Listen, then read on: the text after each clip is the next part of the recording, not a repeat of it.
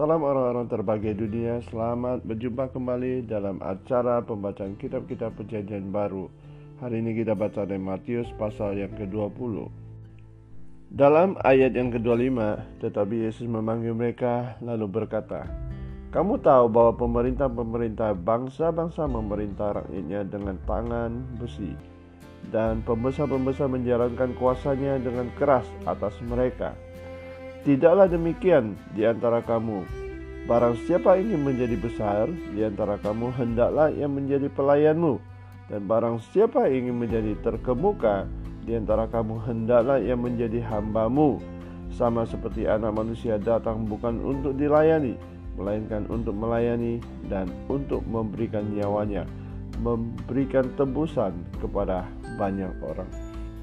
Dalam dunia sekuler kita tahu pemerintah atau pengusaha memimpin anak buahnya dengan kuasa, dengan kekerasan dan lain sebagainya. Tapi dalam hal kerajaan surga tidak demikian.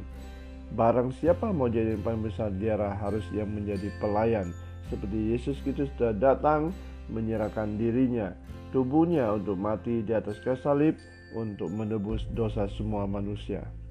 Dari pasal ini Yesus mengajarkan suatu pandangan hidup yang sangat berbeda pada umumnya. Uh, bahwa kita bukan menuntut tapi memberi. Ya, walaupun kita seorang pemimpin kita harus memberi. Di sini kita lihat uh, Tuhan Yesus ada mengajarkan sesuai dengan ajaran hukum tabur tuai.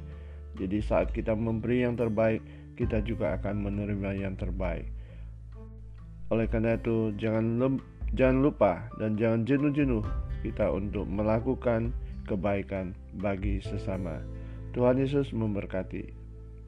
thank you